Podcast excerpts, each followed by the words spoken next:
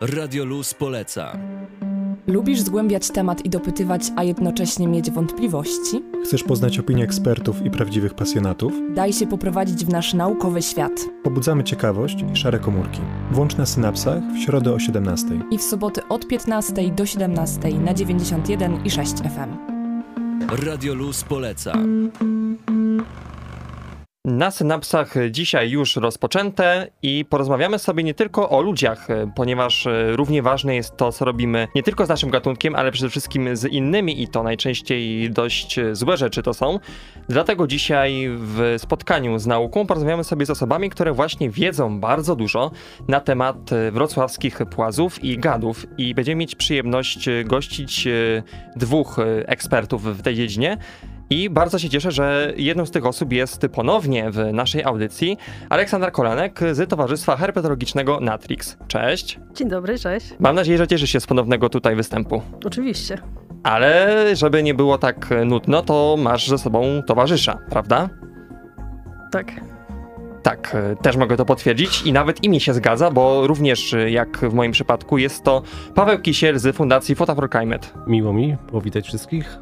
A witają Was również prowadzący, czyli jak już ujawnił Paweł, czyli Paweł Chrastacz oraz Julia Łojek. Miło tutaj być z Wami wszystkimi. Naszymi realizatorami jest Aleks Kartaszów oraz Ania Frączkowska. I tak jak Paweł wcześniej wspomniał, jedną z naszych gościń jest tutaj Ola. I z tego co wiemy, to Ola jest prezeską Towarzystwa Herpetologicznego Natrix. I mogłabyś nam coś więcej o tym opowiedzieć? Czym się to towarzystwo zajmuje i jaka jest Twoja rola w nim? Towarzystwo Herpetologiczne Natrix powstało tak naprawdę dzięki pasjonatom płazów i gadów. Po zakończeniu studiów postanowiliśmy dalej działać w tym kierunku i zajmujemy się zarówno czynną ochroną płazów, czynną ochroną gadów, Prowadzimy różnego rodzaju zajęcia edukacyjne oraz także badania naukowe. Ja jestem prezeską, także jestem takim mózgiem większości tych operacji, przynajmniej we Wrocławiu, ale mamy też członków w innych miastach i miejscowościach w Polsce. A naszym drugim gościem i także drugim Pawłem w studiu jest Paweł Kisiel z Fundacji Fota for Climate oraz Dolnośląskiego Ruchu Ochrony Przyrody. Paweł, czy ty także mógłbyś nam coś więcej o tym powiedzieć? Tak, ja e, tak jestem członkiem z, e, tych dwóch organizacji. My zajmujemy się e, takimi tematami bardzo, e, być może na pierwszy rzut oka odległymi od siebie, ale tak naprawdę to, to, to wszystko e, się z sobą łączy, czyli, czyli w Focie for Climate e, zajmujemy się przede wszystkim, staramy się wpływać na naszych decydentów, jeżeli chodzi o, o ochronę klimatu. No i tutaj zajmujemy się między innymi i energetyką, ale także zajmujemy się bioróżnorodnością, zajmujemy się i lasami i staramy się chronić właśnie jakimiś akcjami takie też, też, też mniejszymi akcjami, na przykład właśnie płazy. To, to wcześniej robiłem właśnie w Dolnośląskim Ruchu Ochrony Przyrody, którego jestem prezesem. Tą naszą lokalną tutaj Dolnośląską Przyrodą staraliśmy się zajmować. A rozmawiając o naszym lokalnym ogródku, w tym wypadku w Wrocławiu, z pewnością warto zapytać o to, jakie są najcenniejsze gatunki w naszym mieście. To może zacznijmy od tego, ile w ogóle gatunków mamy we Wrocławiu. Tutaj przed rozpoczęciem rozmowy z Pawłem właśnie liczyliśmy, ile jest płazów, ponieważ są różne doniesienia z zeszłych lat obecnie i tak jak mamy około 12-13 gatunków płazów, to myślę, że można powiedzieć, że najcenniejszymi z nich są kumak niziny oraz traszka grzebieniasta. To są takie dwa gatunki, które są nie tylko chronione naszym prawem krajowym, ale także prawem europejskim. I no to są takie nasze perełki wrocławskie, które powinniśmy chronić za wszelką cenę. A jeśli chodzi o gady, tutaj mamy sytuację dużo prostszą, mamy pięć gatunków. Do niedawna jeszcze uważano, że jest ich cztery, ale w lipcu tego roku udało się odkryć gniewosza plamistego, też właśnie bardzo rzadki gatunek, także mamy się czym jako Wrocław pochwalić, jeśli chodzi o błazy i gady. Okej, okay, cudownie. Właśnie te traszki grzebieniaste i kumaki nisinne występują w takim zbiorniku jak zbiornik na Sołtysowicach. Jak nasze miasto, Wrocław, traktuje tak cenne przyrodniczo tereny?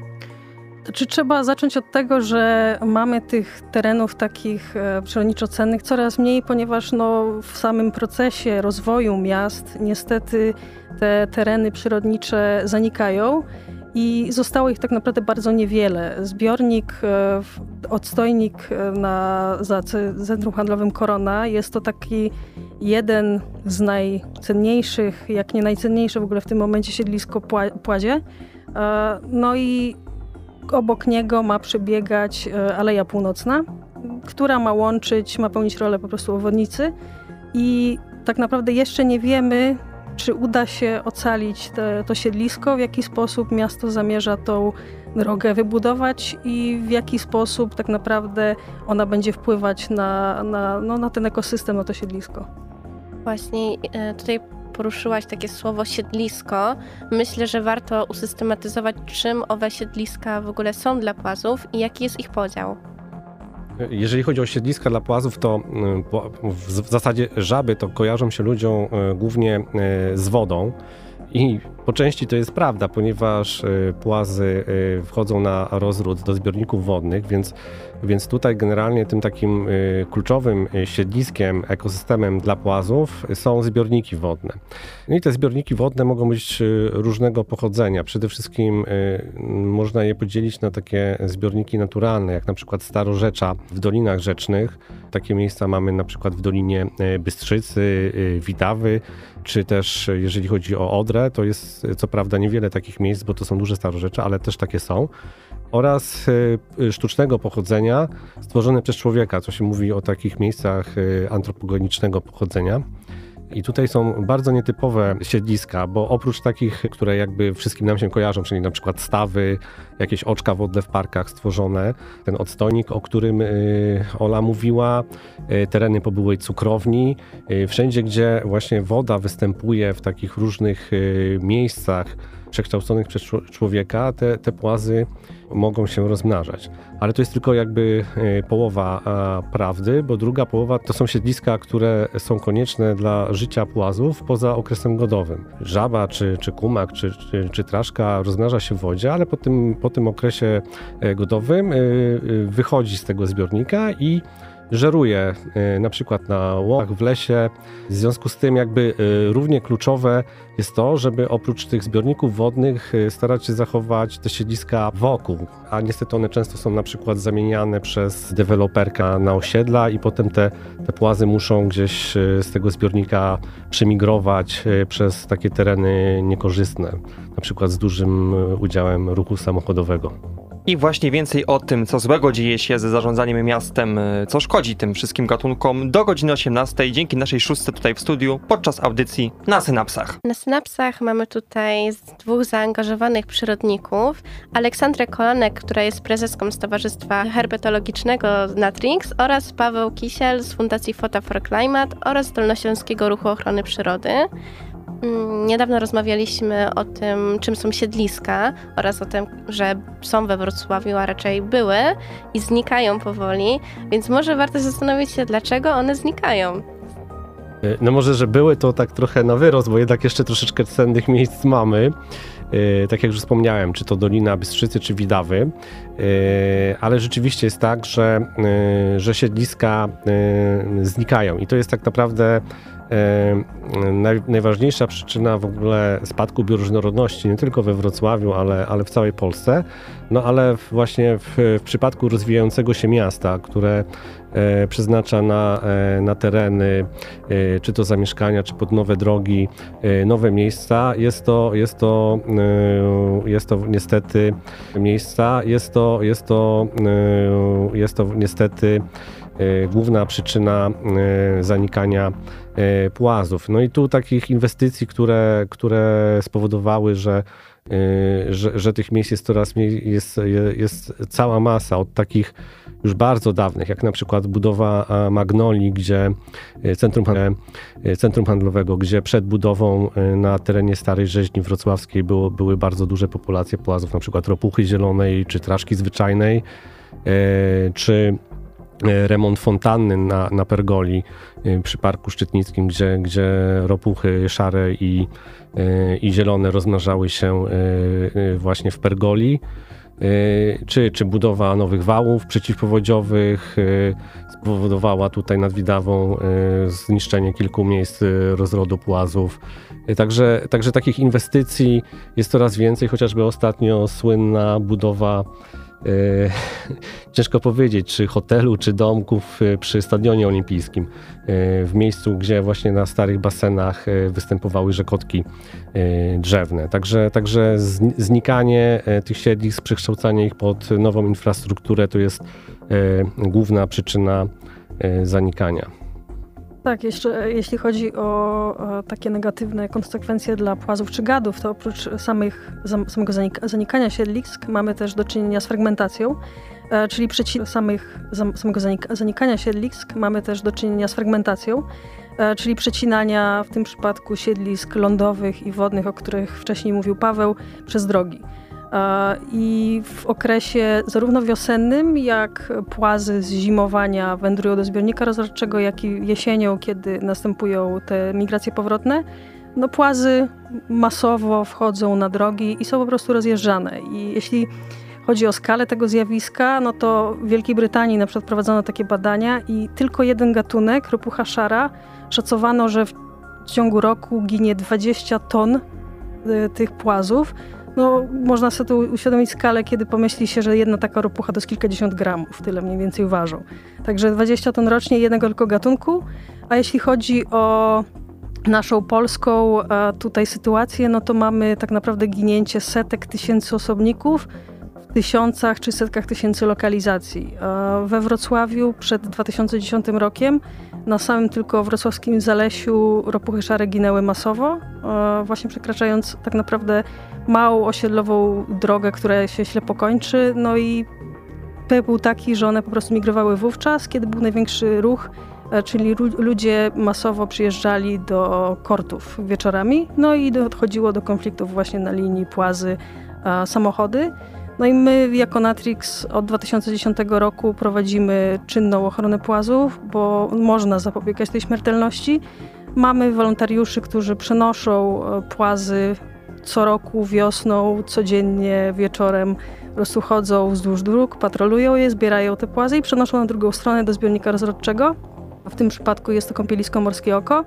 Od 2019 e, roku używamy też takich tymczasowych płotków, na których te płazy się zatrzymują. I to są takie działania, powiedzmy, doraźne. E, oprócz tego jeszcze e, Wydział Inżynierii Miejskiej postawił nam w zeszłym roku i w tym roku takie znaki ostrzegawcze dla kierowców. To oczywiście nie są działania ochronne, tylko takie powiedzmy bardziej działania edukacyjne, wspierające, no ale wciąż przenosimy tych e, płazów rocznie różnie, od kilkudziesięciu do nawet dwóch tysięcy osobników w ciągu tak naprawdę kilku tygodni. E, ale wszystko to, no tak jak mówiłam, to są działania doraźne i żeby trwale rozwiązać ten problem, no trzeba by było albo e, zrobić remont drogi i zbudować takie przejścia dolne, co jest oczywiście kosztowne, e, albo też zamknąć czasowo tak naprawdę drogę na czas migracji. Na razie jesteśmy na etapie próby zawnioskowania właśnie o to. Ta droga przez to, że jest ślepa, nie ma też za tym odcinkiem żadnych e, zabudowań, żadnych takich mieszka mieszka mieszkań, więc jej zamknięcie czasowe nie spowoduje utrudnień dla mieszkańców. Co najwyżej na te kilka tygodni będzie utrudniony dojazd do kortów i do klubu fitness. Także mamy w tym momencie we Wrocławiu niespotykanie dobrą sytuację, jak na nasze warunki krajowe, bo czasowe zamknięcie tej drogi pozwoli uratować, dosłownie uratować tę populację przy praktycznie minimalnych utrudnieniach dla ludzi. Takich bardziej nie, nie godzących w podstawy ich codziennego funkcjonowania, tylko właśnie lekko utrudniających dojście do kortów e, tenisowych czy tam obiektów sportowych. Czyli to właśnie niczym w sporcie takie poświęcenie rzeczywiście również przyniesie nam taki triumfalny puchar. Także tak może o tym pomyślmy. Tak, dokładnie. A więcej o tym, co może nie tylko na rondzie, ale na przykład e, wokół dzwonników wodnych również powinniśmy robić do końca dzisiejszej audycji na synapsach. A przed nami bardzo ważny temat, y, czyli wymieranie gatunków, w tym wypadku gadów i płazów. Bardzo ważne pytanie to jest takie, jeżeli chodzi właśnie o tę śmiertelność, to jakie są jeszcze sposoby rozwiązywania konfliktów oprócz zamykania dróg? Oczywiście mm, nie jest to może łatwe i, i tanie, ale można e, takie konflikty rozwiązywać poprzez e, przebudowę dróg albo też e, przy projektowaniu nowych e, dróg e, projektować przejścia dla płazów pod jezdnią. I może, żeby nie było tak pesymistycznie, tylko o tym wymieraniu i, i o tym, jakie źle, to na przykład teraz przy budowie Alei Wielkiej Wyspy na Biskupinie, przy ulicy Kazimierskiej, gdzie jest zbiornik z bardzo liczną populacją ropuch zielonych, e, e, zostały zaprojektowane właśnie e, przejścia e, dla płazów e, e, pod jezdnią. E, No i miejmy nadzieję, że ta populacja e, przetrwa tę, e, tę budowę.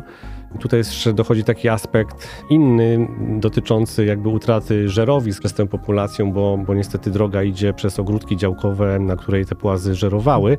Natomiast rzeczywiście jest tak, że e, tutaj e, projektant e, i miasto zadbało o to i zostały zaprojektowane przejścia po, pod tą jezdnią i no mamy nadzieję, że ta populacja będzie miała gdzie, gdzie żerować e, po zakończeniu tej inwestycji. Ale obiecałem, że przejdziemy też troszeczkę mocniej w wodne klimaty. No to co możemy tutaj dobrego zrobić? Może zacznę od tego, co, co robi się troszeczkę gorzej. A mianowicie mamy we Wrocławiu plan e, ograniczania liczebności komarów i jedną z części tych planów jest zarybianie zbiorników e, wodnych. Jako, że ryby zwalczają, zwalczają komary zarówno w postaci dorosłej, jak i, jak i larwy. Problem w tym, że no, ryby negatywnie wpływają na populację płazów i to dotyczy nie tylko ryb drapieżnych, takich jak szczupak czy okoń, ale też okazuje się ryb takich jak karaś, jak płoć, jak wzdręga, które są używane właśnie do e, zarybiania tych zbiorników wodnych. I te ryby wpływają na liczebność płazów negatywnie, tak naprawdę na dwa główne sposoby. Po pierwsze, żerują na jajach czy na larwach płazów, ale też powodują, że płazy w zbiornikach, w których jest za dużo ryb, po prostu rzadziej się rozmnażają. Po prostu chowają się zamiast szukać partnera. No i ten sukces rozrodczy jest dużo, dużo niższy. A, I prawda jest taka, że zarybiając zbiorniki wodne, a nie jednocześnie nie monitorując populacji płazów, a wysyłaliśmy zapytanie w trybie dostępu do informacji publicznej miasto nie monitoruje tego. Nie monitorując tej liczebności płazów, y, no po prostu zaburzamy ten ekosystem. Jest to na tyle, moim, mojej opinii, bezsensowne działanie, że płazy równie dobrze zwalczają komary e, jak ryby, nawet skuteczniej, ponieważ płaz wejdzie do jakiejś takiej płytkiej wody, gdzie ryba się nie utrzyma, będzie siedzieć w kałuży obok na przykład jakiegoś starorzecza. Także no, to działanie ma więcej, moim zdaniem, negatywnych skutków niż e, pozytywnych, więc tak naprawdę chcąc chronić płazy, po prostu powinniśmy zaprzestać zarybiania zbiorników wodnych. A możemy właśnie, chcąc zrobić jednak coś dobrego, właśnie na przykład protestować przeciwko temu, jakoś aktywnie temu przeciwdziałać? A czy można by było poświęcić, e, poświęcić środki, poświęcić działania na polepszenie tak naprawdę losu płazów, czyli tworzenie jakichś drobnych oczek wodnych na terenach, które są e, miejskie, które powiedzmy nie są w inny sposób zagospodarowane, bo tak na dobrą sprawę no, mamy w tym momencie globalne wymieranie płazów, no a tak jak Paweł wcześniej mówił, zanik e, siedlisk to jest coś, co im najbardziej e, w tym momencie zagraża, także twórzmy siedliska, poprawiajmy los płazów, a nie działajmy na ich niekorzyść.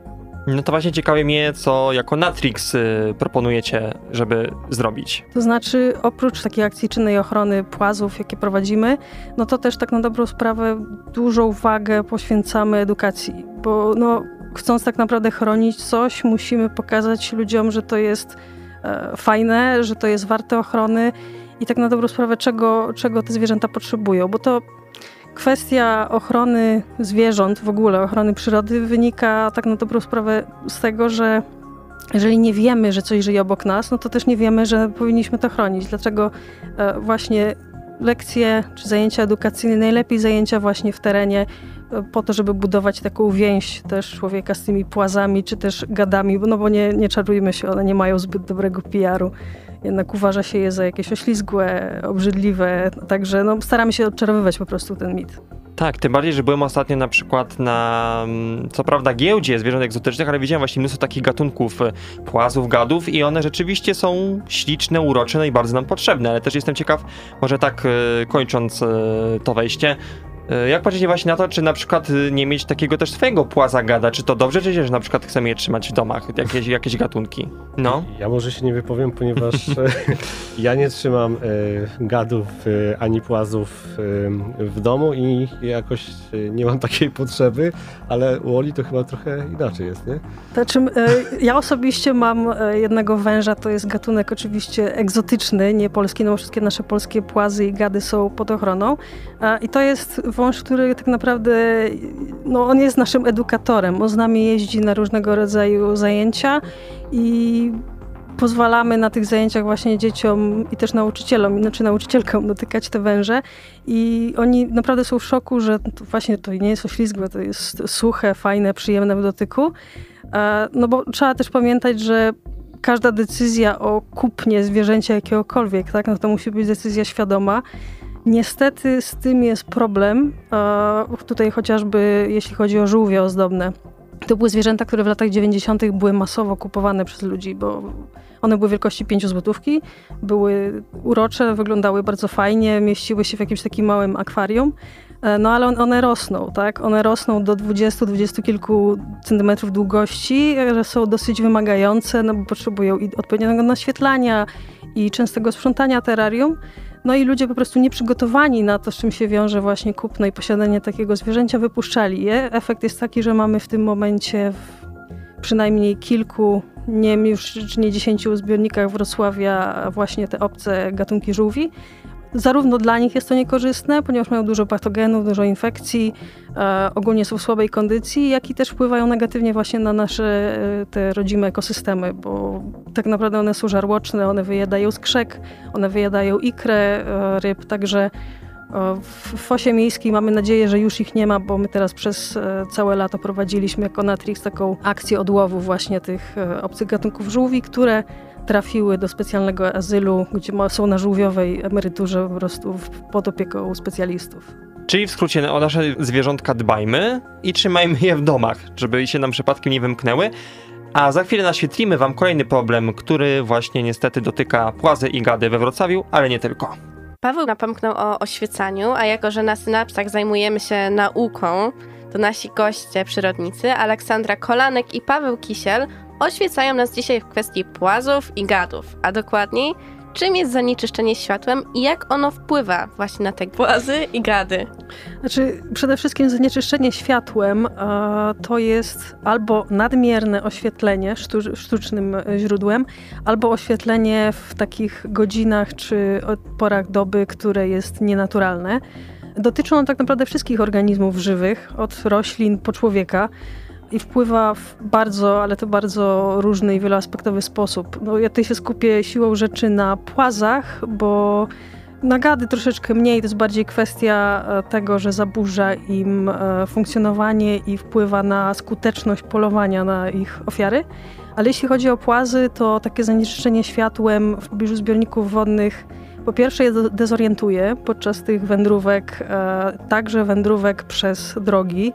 E, Te płazy zostają dłużej na drodze i wolniej po niej się poruszają, no co powoduje, że prawdopodobieństwo, że zostaną rozjechane po prostu rośnie. A po drugie, na- nasilone oświetlenie wpływa na zmniejszenie się głosów godowych wydawanych przez samce. A jeżeli samiec e, płaza nie będzie się odzywać, to nie będzie tego sygnału dla samic, żeby się rozmnażać, czyli obniża ten sukces rozrodczy. Z kolei, kiedy już e, płazy złożą jajka i rozwijają się z nich e, larwy, to zanieczyszczenie światłem wpływa na ich metabolizm, co przekłada się po prostu na gorszą kondycję zarówno młodych osobników, jak i samą przeżywalność tych kijanek e, i też osobników dorosłych. Także to oświetlenie wpływa na nie w bardzo różny sposób. Można oczywiście jak najbardziej z tym walczyć, można stosować odpowiednie oprawy lamp, można e, stosować jakieś czasowe wyłączenia w określonych godzinach, no bo o godzinie drugiej w nocy raczej nikt nie będzie chodzić po terenie zielonym. Także jakieś takie reduktory tego oświetlenia, też e, takie, takie te lampy, żeby po prostu nie odbijało się za mocno to światło od powierzchni. No i przede wszystkim też rozważyć, czy konieczna jest akurat taka, nie inna liczba tych latarni. Na przykład między Oławą a Stanowicami bodajże e, jest taka ścieżka oświetlona wzdłuż drogi krajowej 94. no jest bardzo jasno, jest wygodnie, tylko że tych lamp na mój gust mogłoby być co najmniej połowę mniej, dalej spełniałyby funkcję, a jednak nie zanieczyszczałyby światłem okolicy, tak jak to robią obecnie. Ja może dopowiem, ponieważ y, Polska jako kraj w ogóle nie ma y, przepisów dotyczących y, zanieczyszczenia światłem. To jest problem stosunkowo nowy. Niektóre kraje europejskie już sobie z tym poradziły, tak jak na przykład Francja, która ma określone przepisy, natomiast my obecnie nie mamy żadnych przepisów. I, I, y, to tak naprawdę, to co powiedziała Ola, to są wszystko jedynie e, jakieś rekomendacje, e, które mogą być stosowane, a nie muszą. A przez to, że ostatnio zadziałała się tak zwana rewolucja LEDowa e, w naszym kraju, oświetlenie jest dużo tańsze, ponieważ lampy LED pobierają bardzo mało prądu, więc nastała też trochę taka moda na oświetlanie w zasadzie wszystkiego, między innymi parków. E, więc e, tutaj z jednej strony mamy jakieś e, poczucie bezpieczeństwa lepsze, ale z drugiej strony wpływamy znowu na E, na te, na te organizmy, które w tych parkach żyją, bo to nie tylko e, płazy, ale też i właśnie ptaki, nietoperze. E, to są wszystko grupy zwierząt, na które te, te światło, to oświetlenie nocne terenów zielonych wpływa. No to teraz sobie myślę, czy może znacie kogoś, kto będzie to badał. Hmm, kto to może być? Aleksandro, czy znasz kogoś takiego? tak, mogę powiedzieć, tak uchylając, uchylając rąbka tajemnicy, że trwają prace nad pewnym projektem związanym właśnie z zanieczyszczeniem światłem. Mam nadzieję, że wczesną wiosną, a na 100% w pierwszej połowie 2022 roku coś się pojawi w temacie zanieczyszczenia światłem. I rozumiem, że również w naszym Radiu to się pojawi. Z przyjemnością. Tak, a jeszcze zostając przy temacie tych e, wszystkich zagrożeń dla posłów i gadów, e, to mówiliśmy na przykład o kwestii samochodów, ale czy też na przykład ścieżki rowerowe, o których już też nieraz mówiliśmy i to, że również e, przez nie właśnie, również szkodzimy tym, tym naszym zwierzętom kochanym. Tak. O nie, no, no myślałem, że nie, ale no dobrze, no, wyjaśnij. Znaczy nie jest tak, że zawsze szkodzimy, bo ponieważ e, ścieżki, ścieżki rowerowe nie zawsze przebiegają przez tereny przyrodniczo cenne i wiadomo, że asfalt jest y, y, wygodny dla rowerzystów. Y, wszyscy korzystamy z rowerów i to jest ekologiczny środek transportu, więc jak najbardziej te ścieżki trzeba rozwijać. Natomiast są takie miejsca, gdzie niestety lepiej by było, gdyby te ścieżki były tworzone z innej nawierzchni. Dlaczego tak się dzieje? Ponieważ jeżeli chodzi o, o takie nawierzchnie asfaltowe, e, nagrzewają się one mocno, a w szczególności gady lubią wygrzewać się na słońcu i lubią też przyjmować e, ciepło właśnie w naturalnym środowisku. To są często jakieś kamienie, skały, a tutaj mamy tak, że ciemna nawierzchnia asfaltowa oddaje to ciepło, więc takie gady, w szczególności jak dzień jest zbyt gorący, to powoduje, że ten gaz sobie wychodzi na, e, na tą ścieżkę i się wygrzewa. I on z tej ścieżki nie schodzi. No i niestety takie e, rozjeżdżane e, zaskrońce na przykład, to jest chleb powszedni na, na ścieżkach rowerowych, jeżeli ścieżka rowerowa, asfaltowa przebiega przez jakiś park, gdzie są, gdzie są po prostu tereny podmokłe. Także jest to problem. Z płazami też tak jest, w szczególności po deszczu. Tutaj na przykład ropuchy szare bardzo często wieczorami, kiedy ten asfalt oddaje e, temperaturę, jest wilgotno, wychodzą na takie ścieżki asfaltowe, rowerowe i, i niestety też są, też są rozjeżdżane. Czyli po prostu uważajmy także na rowerach, na to, co mamy pod kołami. Tak jest. Ty bardziej, że to nie samochody, więc jest łatwiej je zauważyć. Zdecydowanie. A kończąc już audycję, za chwilę podsumujemy, co zrobić właśnie po wysłuchaniu takiej rozmowy, aby rzeczywiście pomóc tym wszystkim płazom i gadom we Wrocławiu. A jako, że już wiemy, że jest problem z zanikaniem siedlisk płazów i gadów, to warto też wspomnieć o tym, jak można przeciwdziałać właśnie ich wymieraniu i tej śmiertelności. To ja powiem o tym, co możemy zrobić my, jako tacy przeciętni, zwykli ludzie. A przede wszystkim dbać o to, żeby w naszym otoczeniu płazom było dobrze, czyli jeżeli mamy oczywiście warunki, to tworzyć jakieś takie małe, przydomowe oczka wodne, rozejrzeć się, czy gdzieś nie ma rozjeżdżanych płazów, jeżeli tak, no to postarać się zaangażować w takie przenoszenie. Nawet kilka, kilkanaście osobników przeniesionych przez drogę to już jest, to już jest jakiś taki plus dla samej populacji. E, starać się nie zanieczyszczać tym światłem nadmiernie otoczenia, nie zarybiać naszych zbiorników wodnych, jeżeli takie mamy, no i e, ogólnie edukować też swoje dzieci, swoich znajomych w zakresie tego, że te zwierzęta też wymagają ochrony.